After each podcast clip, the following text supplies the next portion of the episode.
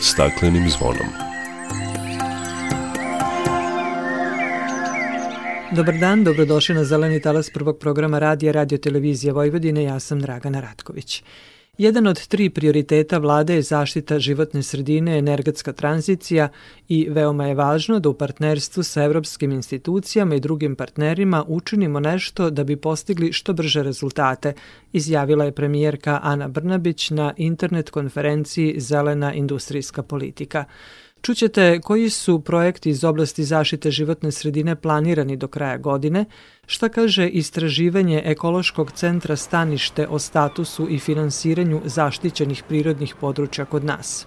U utorak, 1. juna, obeležava se Dan reke Save, jedne od najočuvanijih nizijskih reka u Evropi koja je ugrožena širenjem invazivnih stranih biljaka – Govorit ćemo o završetku i rezultatima regionalnog projekta Sava Tajs, u čijem fokusu je bilo pronalaženje efikasnog rešenja za upravljanje invazivnim stranim vrstama dušte reke. Biće reči i o obeležavanju Evropske zelene nedelje u Novom Sadu, o prinovama u Zološkom vrtu na Paliću, kao i o takmičenju domaćinstvo koje su laste izabrale.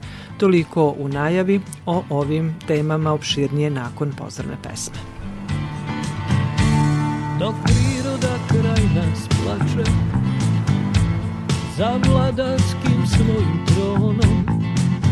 Tužno vele narikače pod staklenim smo zvonom. Znaj vazduha više nema sve manje je i ozona. Protiv sebe ide čovek i to često pardona. Uništenju živog sveta Kao da su ljudi skloni. Čovek sam je sebi meta Zbog njega ovo zvono zvoni Uništenju živog sveta Kao da su ljudi skloni Čovek sam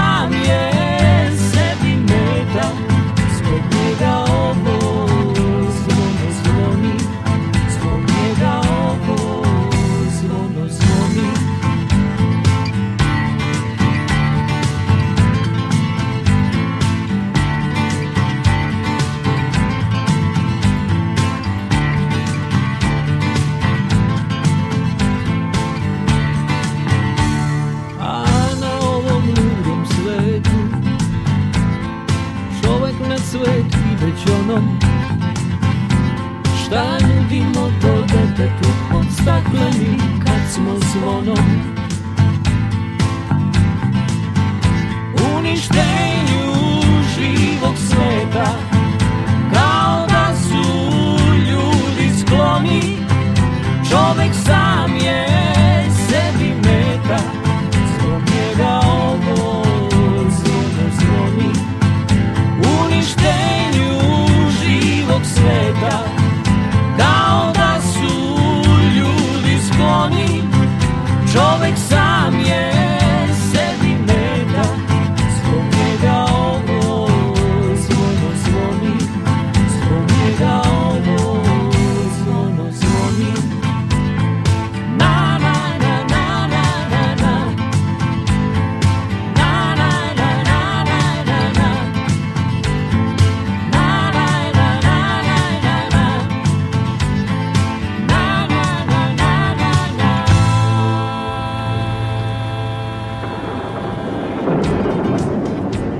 Prioriteti vlade u oblasti zaštite životne sredine su unapređenje i zaštita kvaliteta vazduha, tretman otpadnih voda i upravljanje čvrstim otpadom.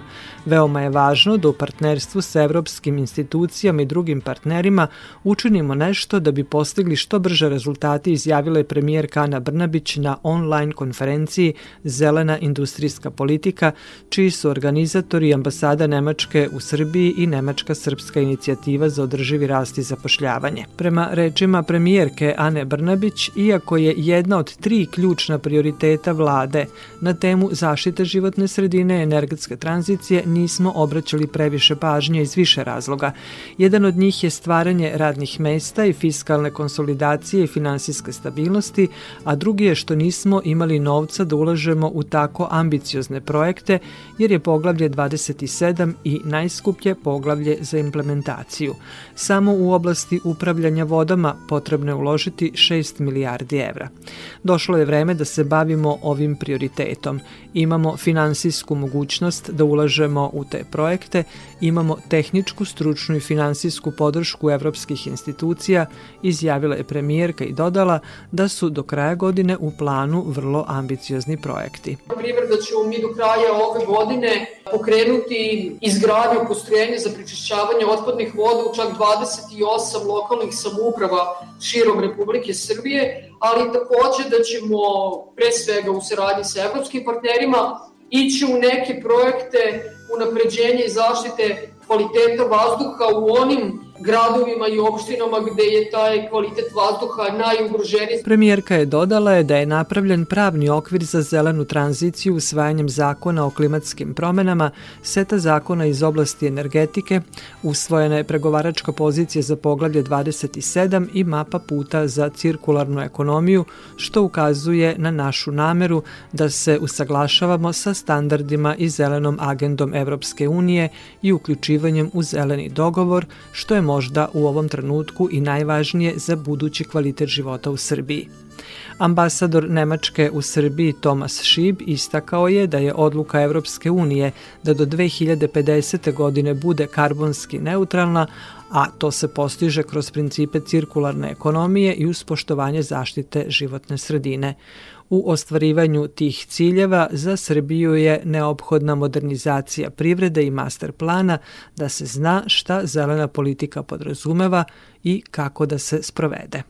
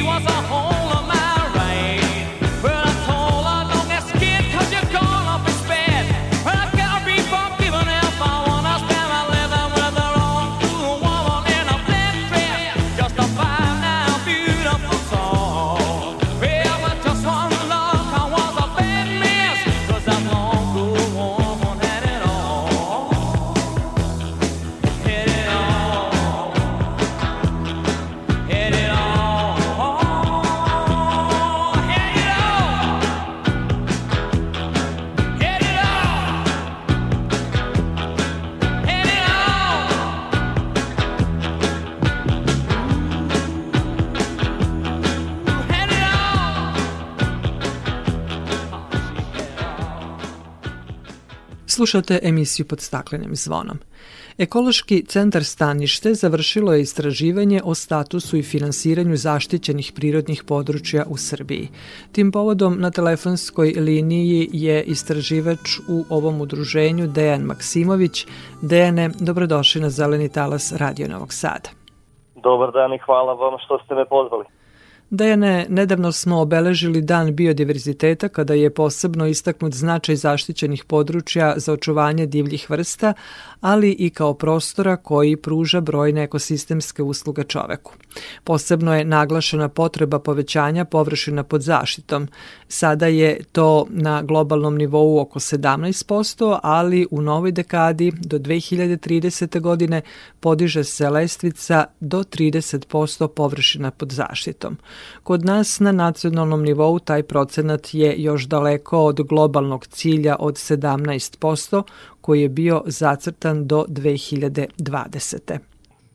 Tako je, prostornim planom Republike Srbije predviđeno je i planirano je da do 2020. godine 12% nacionalne teritorije bude pod zaštitom, međutim nakon desetogodišnje stagnacije koja je bila na oko 6%, tek pre tri godine Srbije prešla 7% i sada je trenutno negde na 7,6% državne teritorije da je pod zaštitom. Razlozi za to su brojni, pre svega bih napomenuo da naše društvo u celini nema kvalitetan stav prema zaštićenim područjima prirode, niti razume dovoljno dobro e, značaj zaštite prirode i kakve sve pogodnosti zaštite prirode kao društvo može da ima. Naše društvo više gleda na prirodu kao na neki materijalni resurs koji treba iskoristiti u smislu nekog e, drvnog materijala ili mineralnih sirovina, a manje razume i manje je svesno činjenice da priroda nama čini neke druge usluge koje nisu toliko vidljive, nisu toliko direktno materijalno izražene. To je jedan od razloga zbog čega e, u Srbiji postoje problemi i sa proglašavanjem zaštićenih područja prirode, a kasnije kada se ona proglase i sa sprovođenjem zaštite, a na kraju i javnost ne učestvuje dovoljno u odlučivanju i u sprovođenju programa zaštite. U Centralnom registru Zavoda za zaštitu prirode Srbije upisano je 469 zaštićenih područja. Najviše ih je na lokalnom nivou. Vi ste radili istraživanja na sva tri nivoa i do kakvih saznanja ste došli? Što se tiče broja zaštićenih e, područja, ona jesu najbrojnija od tih 469. Moram samo da kažem da je njih 289 kategorisano, dakle proglašena je zaštita posle usvajanja zakona iz 91. dok oko 38% zaštićenih područja je proglašeno pre 91. godine, nisu kategorisana i u najvećem broju slučajeva ta zaštita se postoji još samo na papiru. Dakle, 289 kategorisanih zaštićenih područja ima, od toga je skoro 200 na lokalnom nivou, ali ta područja čine samo 3% od ukupnih površina. Najveća površina je pod republičkom zaštitom negde oko 96% ukupne površine, iako tih područja ima negde oko 90. Što se tiče lokalnih područja, mi smo tu u ovom istraživanju uočili zaista velike probleme, pre svega u nedostatku osnovnih zakonom propisanih dokumenta. Mi smo tražili od lokalnih samuprava da nam pošalju izveštaje o ostvarivanju e, programa upravljanja koji su po zakonu upravljači dužni da dostave lokalnoj samupravi koja je zaštitu proglasila i ustanovili smo da od 200 zaštićenih područja malo više od jedne trećine, znači 70 do 75 područja u zavisnosti od godine, ima ove izveštaje i šalje ih lokalnim samoupravama samo 16 lokalnih samuprava ima sve izveštaje za sva zaštićena područja, dok 21 lokalna samuprava nam je u dopisu odgovorila da nema ni jedan izveštaj ni za jedno zaštićeno područje i još bih izdvojio devet lokalnih samuprava odgovorilo da nema zaštićena područja na svojoj teritoriji, ako u centralnom registru piše da ih ima. Dakle, nadležni u devet opština i gradova i ne znaju da imaju zaštićena područja na, svom, na svojoj teritoriji. Takođe, što se tiče finansiranja situacija je vrlo slična, negde oko jedne četvrtine lokalnih samuprava koje su proglasila zaštićena područja, ta svoja područja e, i finansiraju. Dakle, od 145 lokalnih samuprava na području centralne Srbije i AP Vojvodine koje smo obrađivali, njih 74 ima zaštićena područja prirode na svojoj teritoriji, a samo njih negde oko 20 ta područja i finansira. Tako da je stanje i što se dokumenta tiče i sprovođenja i finansiranja zaštite prilično zabrinjavajuće i nepovoljno kada je lokalni nivo u pitanju. A kada je u pitanju pokrajine Republika, šta kažu istraživanja? Što se tiče Republike, situacija je nešto povoljnija. Poslednjih godina ministarstvo je uložilo određene napore i počelo je da, da upravljačima daje sredstva putem konkursa, što je i e, dovelo dotle da upravljači imaju i programe i izveštaje. Od 89 zaštićenih područja koje je proglasila Republika e, svojim aktom, njih 80 je u 2020. godini imalo izveštaje o, o tome kako je sprođen godišnji program zaštite. Ono što je naša velika zamerka kao istraživačkog tima jeste što su ovi izveštaji praktično nedostupni javnosti. Mi smo morali da e, odemo u sedište e, ministarstva kako bismo imali uvid u te izveštaje. Dakle, ministarstvo zbog obimnosti materijala i velikog broja izveštaja nije moglo da nam e, uradi kopiju tih dokumenta, nego smo morali da idemo da ih pregledamo. Zato je bio naš predlog ministarstvu da se ovi izveštaji javno objavljuju na sajtu ili ministarstva ili Zavoda za, za zaštitu prirode i mislimo da smo u razgovoru sa ministarstvom došli do toga da će ministarstvo ovaj naš predlog e, prihvatiti i početi javno da objavlja ove izveštaje koji su detaljni, koji su dobro napisani, osmišljeni, Jedina eto, zamerka koju imamo, pored toga što su javno nedostupni, jeste da u ovim izveštajima nije dat pregled o tome koliko su postignuti ciljevi zaštite. Znači, podaci o realizaciji programa nisu dati iz ugla ostvarenja ciljeva. Tako da, u tom smislu bi izveštaji mogli da budu detaljniji, kako bi moglo da se prati sprovođenje javne politike zaštite prirode i kako bi građani imali uvid u to e, koliko se e, ova politika sprovodi. Dejane, govorili smo o finansiranju zaštićenih područja prirode u Srbiji. Koji su sve izvori finansiranja? Odakle se sve finansiraju zaštićene područja? Jedan od izvora je, je budžet, drugi izvor su sobstvena sredstva upravljača, treći izvor su naknade za korišćenje zaštićenog područja.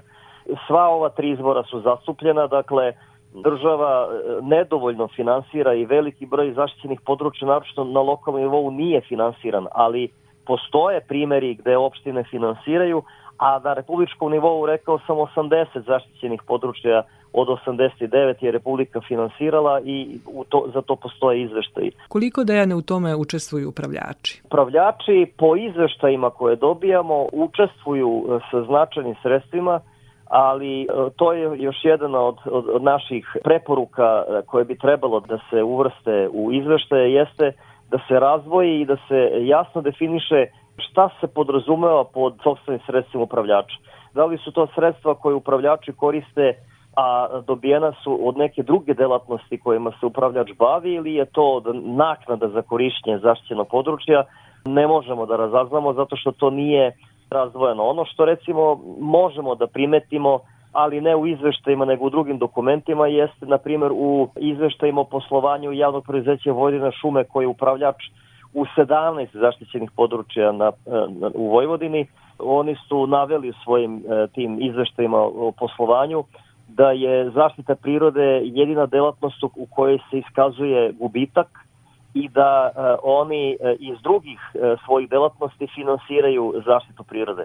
To pokazuje da konkretno ovaj, a i mnogi drugi upravljači možda nisu dovoljno motivisani da zaštićeno područje učine ekonomski održivim, a to je u stvari jedna loša poruka celom društvu da je zaštita prirode u stvari trošak koji treba na neki način da se izdegne. I, i u krajnjem slučaju to i vidimo po stanju u našim zaštićenim područjima da preovladava stav da je zaštita u stvari neki trošak koji nije naročito smislen, što je naravno pogrešno razmišljanje.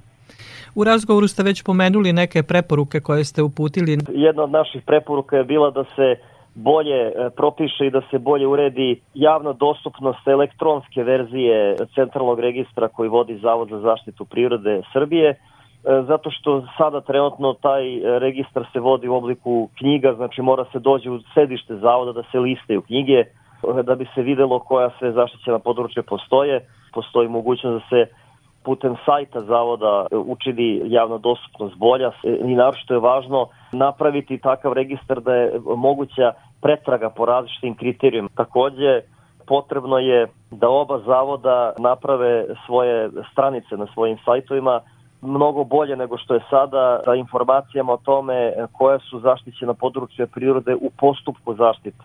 Recimo na sajtu Republičkog zavoda to je dato samo kao jedna štura tabela u PDF obliku, a Pokrinjski zavod za zaštitu prirode je do pre nekoliko meseci imao dobru i kvalitetnu i detaljnu stranicu o tome koja su zaštićena područja prirode u postupku zaštite sa sve studijama zaštite, međutim iz nama nepoznatih razloga je ta stranica skinuta pre izvesnog vremena. Više nisu dostupni podaci o tome koja zaštićena područja su u postupku zaštite. Nadam se da će ova vaša studija kao i donošenje više zakonskih dokumenata koji su pred usvajanjem doprineti boljoj zaštiti prirode, a time i boljem statusu zaštićenih područja. Nadamo se, ali naravno građani moraju da, da nadziru vlast koliko sprovodi e, zakone koje je sama usvojila i donela. Nadamo se da će i civilno društvo i udruženja građana koja se bave zaštitom prirode više i bolje se organizovati i bolje nadzirati i organizovanije zahtevati od nadležnih poštovanje i sprovođenje zakona. Dene, hvala vam lepo za razgovor i učešće u programu Radio Novog Sada. Hvala puno.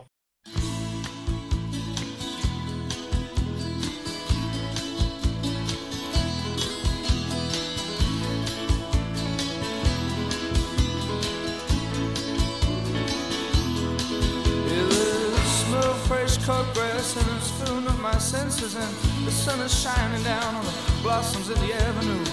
There's a buzzing fly hanging around the bluebells and the daisies. There's a lot more love in her left in this world. Don't go, don't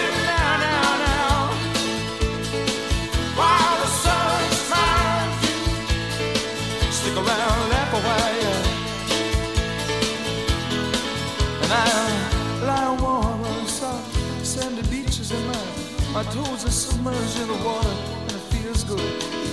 Children playing, building castles on the shoreline like a painted that love, of the Lord. It feels so fine. Don't go. Don't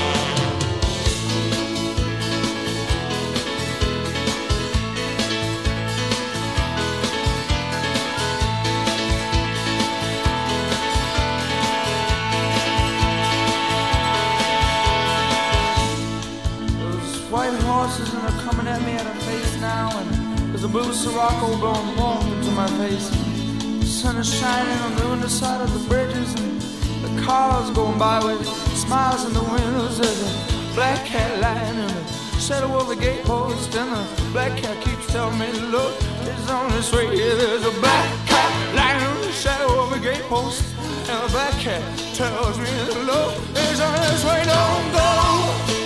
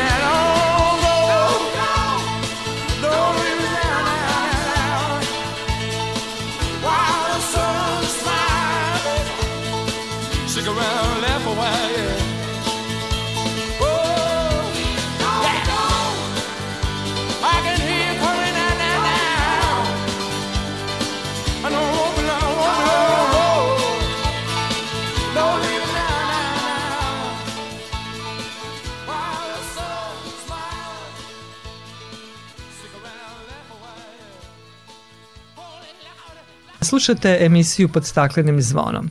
Reka Sava je jedna od najočuvanijih nizijskih reka u Evropi. Zaštićena je čak 64% njenog toka i plavnih nizija, pa tako predstavlja evropsko sedište biodiverziteta. Ovo izuzetno područje je ugroženo širenjem invazivnih stranih biljaka. Rešavanjem tog problema bavio se regionalni projekat Sava Tajs koji se završava baš 1. juna na dan reke Save kada je pre tri godine i po. U Pokrajinskom zavodu za zaštitu prirode održan je promotivni skup na kojem su predstavljeni rezultati ovog projekta, a tim povodom sa nama rukovodilac projekta ispred Pokrajinskog zavoda Zavoda za zaštitu prirode, Alen Kiš. Alene, dobar dan i dobrodošli na Zeleni talas Radio Novog Sada. Dobar dan Dragana, hvala vam za ovu lepu najavu i uvod u naš razgovor. Jeste, Sava Tajs upravo završava nakon tri godine intenzivnog rada. To je inače Dunavski transnacionalni projekat koji je povezao upravljače zaštićenih područja i organizacije za zaštitu prirode iz uh, ukupno pet zemalja. Vodeći partner je nemačka organizacija Euronatur a partneri u slivu reke Save su bili iz Slovenije, iz Hrvatske, Bosne i Hercegovine, oba entiteta i iz Republike Srbije, gde su zajedno sa zavodom učestvovali specijalni rezervat prirode Zasavice i specijalni rezervat prirode Obecka bara, odnosno njihovi upravljači. Pre nego što čujemo rezultate projekta, red je da povodom dana reke Save 1. juna nešto kažemo o ovoj reci. Ja sam rekla da je ovo jedna od najočuvanijih nizijskih morskih reka u Evropi. Jeste, u pravu ste, ona je prepoznata u kampanji Plavo srce Evrope, gde su vrednovane reke e, Balkana, budući da su izuzetno vredne. Čak su u jednom e, časopisu rekli da prave divlje izvorne reke na zapadu, recimo u Nemačkoj, možete tražiti lupom, a ovde su prisutne u svakoj zemlji Balkana. Reka Sava sa svojih skoro 1000 km dužine i sa svojim pritokama po količini vode koju donosi u Dunav njegova najveća pritoka. Znači ima ogroman potencijal. To nije samo energetski potencijal, to je život, jer voda donosi sa sobom i hranjive materije, prenosi semenke biljaka, održava, odnosno reguliše sve promene koje se dešavaju ne samo u vodi, nego u svim ekosistemima, šumama, livadama, odnosno svim tipovima staništa koji su povezani na neki način sa vodom, odnosno koji zavise od dinamike i oscilacija vodotoka. Reka Sava inače zaista predstavlja veliku raznovrsnost jer ona povezuje tri biogeografske regiona. Znači povezuje panonski, kontinentalni i alpski u Sloveniji, a veoma blizu dolazi i do mediteranskog biogeografskog regiona, odnosno pored Jadanskog mora. U tako jednom raznovrsnom klimatskom okruženju nalaze se veliki broj strogo zaštićenih biljaka, životinja i tipova staništa koji nije samo od značaja na nacionalnom nego i na međunarodnom nivou. I to je bio jedan od razloga zašto smo mi pokrenuli ovaj projekat, budući da voda kao vektor prenosi seme i domaćih i stranih biljaka, pri čemu znamo da su strane invazivne biljke. Sve invazivne vrste potiču sa drugih kontinenta, odnosno čovek ih je najčešće slučajno preneo preko velikih barijera kao što su okeani, I kada su te uh, vrste došle u novo okruženje, budući da nemaju prirodne neprijatelje, one se nekontrolisano šire, razmnožavaju i potiskuju domaće vrste praveći velike štete ne samo u prirodi, nego vrlo često i u poljoprivredi, u šumarstvu, u vodoprivredi povećavaju rizike od poplava obrastajući neke manje vodotoke, a vrlo često utiču i na zdravlje. Svi znamo recimo za ambroziju, ali ambrozija nije jedini problem, nije jedina problematična invazivna biljka. Imamo od skora i džinovski svinski korov, to je jedna veoma opasna biljka, visoka je koja izaziva pekotine trećeg stepena na koži. Invazivne vrste su jedan od e, najvećih faktora ugrožavanja biodiverziteta. Reka Sava predstavlja evropsko sedište biodiverziteta i upravo zbog toga je važno da se spreči širenje invazivnih vrsta, čime ste se bavili u ovom trogodišnjem e, projektu. Šta je cilj projekta i koji su rezultati? Da, jeste. Moram vam reći da je Zavad bio jedan od inicijatora pokretanja ovog projekta i da je shodno tome i dobio dosta veliki deo posla na tom projektu, odnosno mi smo bili koordinatori dva radna paketa od ukupno šest između devet partnera Jedan je radni paket koji se odnosi na izradu strateškog okvira za transnacionalno, odnosno međunarodno upravljanje invazivnim vrstama, a drugi radni paket se zapravo bavio testiranjima različitih metoda suzbijanja invazivnih vrsta u četiri posavske zemlje, znači u Sloveniji, Hrvatskoj, Bosni i Hercegovini i Srbiji, na ukupno sedam zaštićenih područja, gde smo mi zapravo testirali biološke, mehaničke i hemijske metode, provjeravajući ne samo koliko su one efikasne, nego i kako, odnosno zakonsku regulativu koja u mnogim slučajevima ograničava metode koje mogu da se primene. I zaista je bilo je vrlo interesantno videti recimo jedan primer konflikta unutar samog zakonodavstva koji se desi u zaštićenom području u Hrvatskoj, gde je jedan prostor bio izdvojen kao stanište i gnezdilište jedne strogo zaštićene vrste ptice, koji je pritom bio potpuno obrastao bagremcem kao invazivnom vrstom i nepogodan za tu vrstu ptice. U pitanju je krek rex kosac na hrvatskom ili prdavac kao što se zove kod nas. I jednostavno upravljač i naš partner iz Hrvatske morao je da odloži suzbijanje invazivne vrste iz prolećnog perioda kada inače optimalno da se suzbijaju invazivne vrste na period nakon 15. augusta kada se završava ciklus nežđenja, iako znači ta vrsta nije tamo prisutna, ali dokle god se ona u regulativi i na tom staništu vodi kao prisutna, oni su kao upravljači bili obavezi da štite njeno stanište. Specijalni rezervat prirode Zasavice bilo područje gde je realizovan ovaj projekat, kako to izgleda na terenu? Da, pa svaki od, od navedenih sedam pilot područja, svako područje je imalo jednu ili više specifičnih vrsta i to su zapravo najproblematičnije vrste u slivu reke Save. Zasavica se bavila invazivnom vrstom e, divlji duvan, To je e, jedna vrsta koja inače sadrži otrovne substance i može da otruje stoku, tako da je štetno ako se nađe unutar sena, odnosno senokosa. I zasavica je testirala nekoliko metoda, e, pokušavali su na manjim površinama, radili su ručno, to je svakako efikasno, međutim jako je skupo i vremenski zahtevano. Drugi metod je bio e, košenjem, I treći metod je bio premazivanjem lišća sa herbicidom. Svaki od ovih metoda ima prednosti i mane, moramo biti svesni da pored vodotoka primjena herbicida donosi rizik od trovanja i zagađenja vodenih staništa. Isti problem su imale kolege koje su suzbijali Falopi, odnosno japanski dvornik, duž reke Une u nacionalnom parku Una u Bosni i Hercegovini. Tako da zaista veoma vredne iskustva koja su, kažem, pokazala i spremnost i kapacitete upravljača, ali i neka zakonska ograničenja koja upravljača usmeravaju da koriste određene metode. Kao rezultat projekta je izrada mobilne aplikacije za kartiranje invazivnih vrsta. Tako je, upravo ste.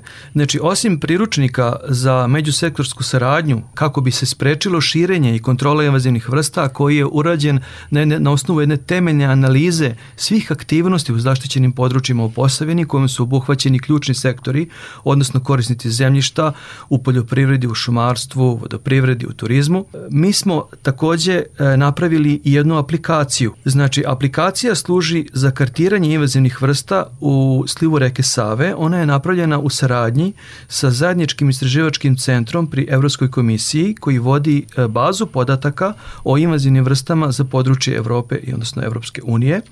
I oni su nam izašli u susret i razvili su postojeću aplikaciju tako što je dodat poseban geografski okvir sliva reke Save koji inače obuhvata preko 100.000 e, kvadratnih kilometara i dodali su 32 ključne invazivne biljke koje su upravljači prepoznali kao najveće i najproblematičnije za očuvanje biodiverziteta u slivu reke Save. Tako da svaki korisnik, inače ona je bazirana na principu Citizen Science, odnosno doprinos svih ljubitelja prirode, ona se nalazi na Google Play prodavnici, možete je tamo pronaći kao aplikaciju invazivne vrste u Evropi. Znači svako može skinuti aplikaciju napraviti fotografiju jedne invazivne vrste, proslediti tu, tu informaciju gde će stručnjaci istraživačkog centra koji se nalaze u Italiji proveriti da li je to ta vrsta i ta vrsta će biti zvanično zabeležena kao prisutna na datom lokalitetu. Koliko je regionalna saradnja i upravljača zaštićenih područja i drugih institucija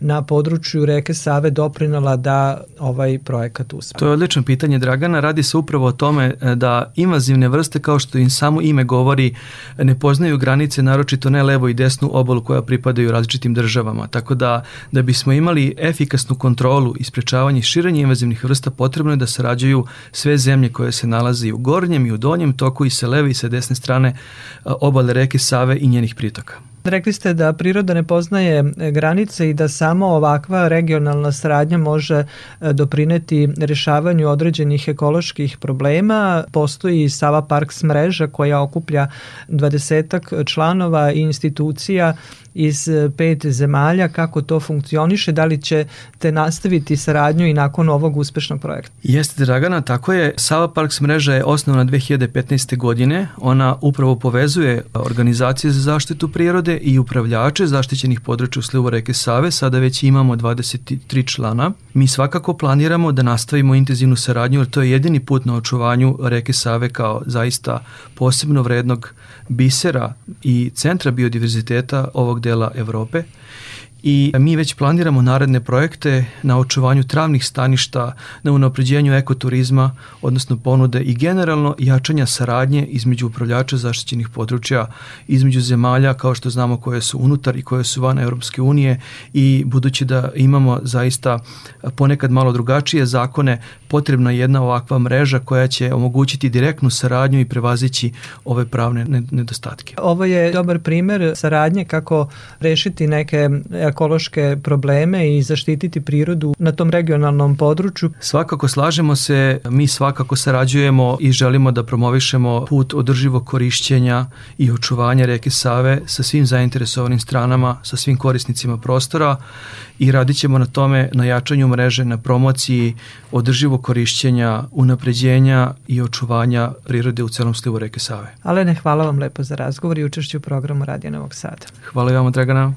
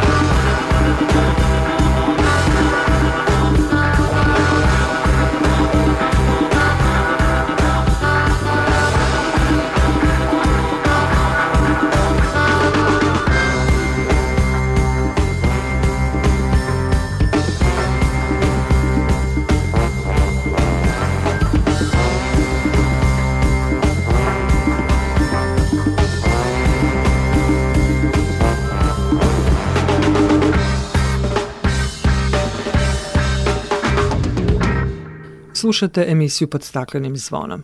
Povodom 24. maja, Evropskog dana parkova, Gradska uprava za zaštitu životne sredine i predstavnici radne grupe Zelena stolica u saradnji sa Pokrajinskim zavodom za zaštitu prirode organizovali su program Two Wells Zero Carbon u Kameničkom parku. Događaj je realizovan u sklopu manifestacije Evropska zelena nedelja sa ciljem promocije nulte stope zagađenja i životne sredine bez toksina. O tome Jelena Glušica. Predstavnici grada i nevladinog sektora najpre su se okupili u Limanskom parku, odakle su biciklima krenuli put Kameničkog parka gde je održano kratko predavanje o tom spomeniku prirode i organizovana akcija čišćenja.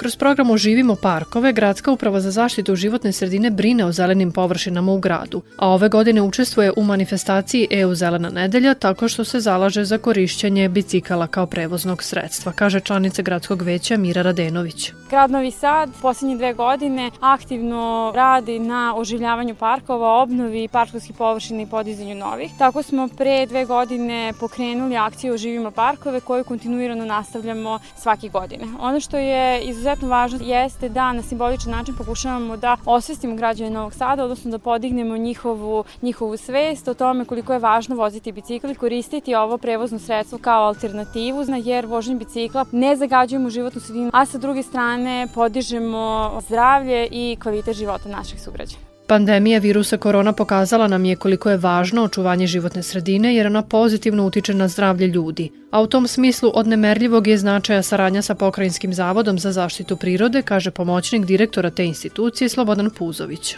Svi znate da je zaštita prirode i uopšte životne sredine osnov za opstanak i razvoj nekog društva i mi sa gradskom upravom za životnu sredinu zaista već godinama, decenijama uspešno sarađujemo i trudimo se da prirodnu baštinu na teritoriji grada Novog Sada čuvamo, tamo gde je moguće unapređujemo i gde je moguće naravno i održivo koristimo na dobrobit lokalnog stanovništva i prirodnih i kulturnih i duhovnih vrednosti koji u tim očuvanim prostorima postoje. Puzović je zahvalio studentima Novosadskog univerziteta koji su u okviru Evropskog dana parkova organizovali akciju čišćenja Kameničkog parka. Predstavnica radne grupe Zelena stolica Ivana Gojković napomenula je da se ovakvim akcijama mogu pridružiti svi građani kojima je stalo do unapređenja životne sredine u Novom Sadu. Odlična je prilika da pozovemo sve građane, civilno društvo, takođe i nevladine organizacije da nam se priključe u ovim akcijama i da takođe uspostavimo saradnju što je pre svega i cilj da uspostavimo zajedno saradnju i da nadalje možemo da učestvujemo u očuvanju životne sredine. A za to nam je naravno potrebna pomoć pomoć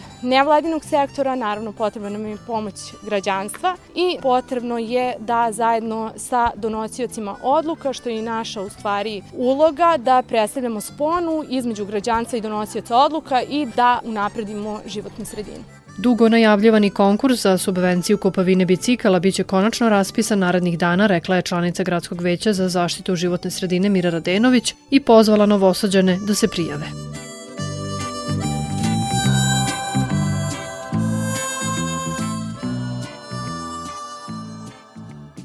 Iz Novog Sada idemo do Subotice. Više od 10 mladunaca rođeno je u Zološkom vrtu na Paliću od početka godine. Jedna od najposećenijih atrakcija na Paliću radi i na tome da dodatno obogati životinski fond, pa je tako u sklopu razmene u vrt stigao mužija Kleoparda. Dok su trajale pripreme za njegov dolazak, na svet je na Paliću stiglo i mladunče bizona. O tome Boris Šuman. Kao što ženka Noja svako malo iznenadi posetioce i zaposlene novim jajetom koje s ponosom snese da vide svi, tako i Zološki vrt na Paliću gotovo prilikom svake nove posete može da vas iznenadi novim mladuncima ili novim vrstama. Pa je tako u programu razmene strogo zaštićenih vrsta od nedavno u vrtu Simba, mužijak persijskog leoparda, čiji je zadatak da se približi ženki Lajli, u nadi da će jednoga dana imati mladunce. O tome koliko je to redka pojava govori koordinatorka promotivnih aktivnosti u Zološkom vrtu na Paliću, Jelena Toljagić. Biće jako lepo ako dobijemo potomke persijskog leoparda zato što njih u prirodi ima svega hiljadu jedinki. Sve ostale jedinke koje postoje nalaze se po zološkim vrtovima i rezervatima. Tako da bi bio veliki uspeh da se njih dvoje spare i da dobiju svoje potomke kako bi produžili svoju vrstu.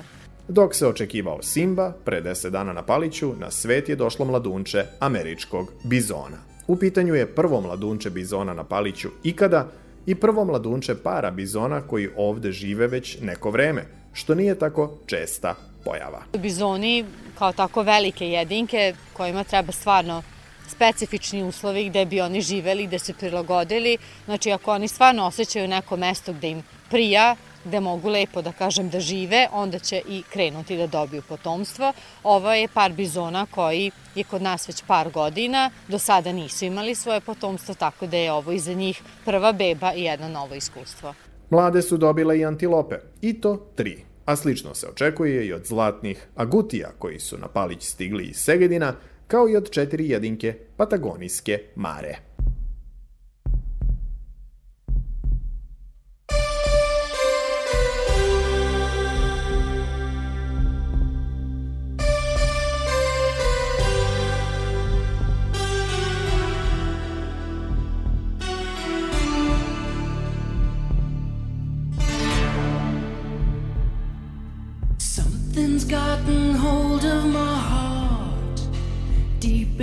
Soul, rips my senses apart. Something's gotten a stranglehold, captured my mood with a feeling so bold, stringing me out, bringing me down. Your lingering kiss has me gagged and bound. I was lonely and bored, looking for love at a price even I could afford. Then you came my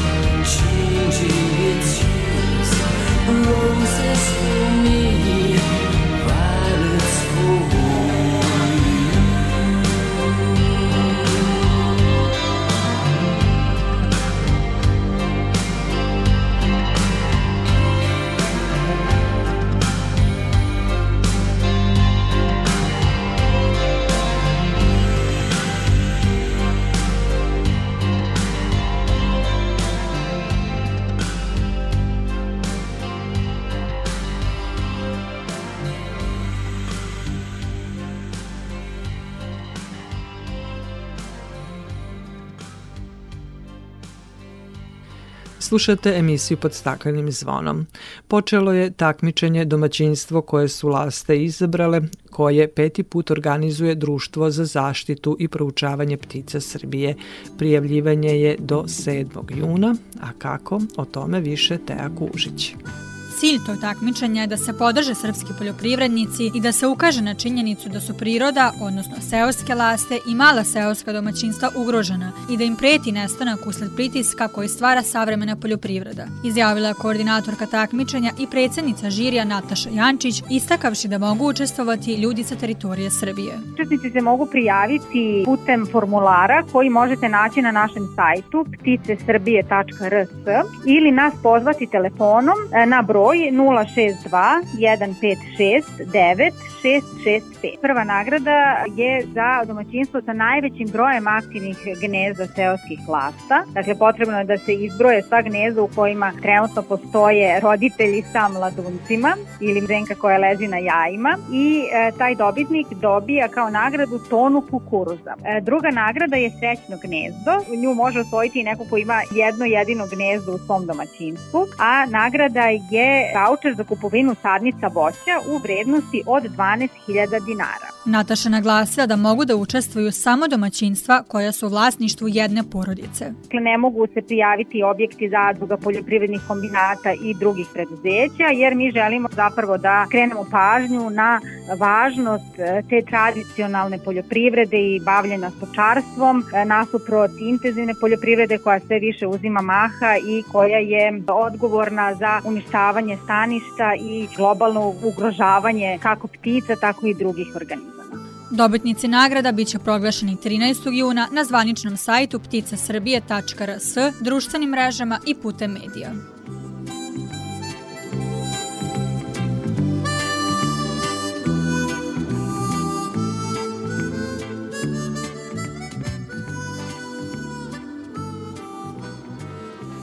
Došli smo do kraja emisije pod staklenim zvonom koju možete slušati i odloženo na podcastu Radio Televizije Vojvodine na adresi rtv.rs. Na pažnji vam zahvaljuju Dalibor Vidović, Zoran Gajinov, Ivan Noženić i Dragana Ratković. Naredni susret zakazujemo za sedam dana u isto vreme na zelenom talasu prvog programa radija Radio Televizije Vojvodine.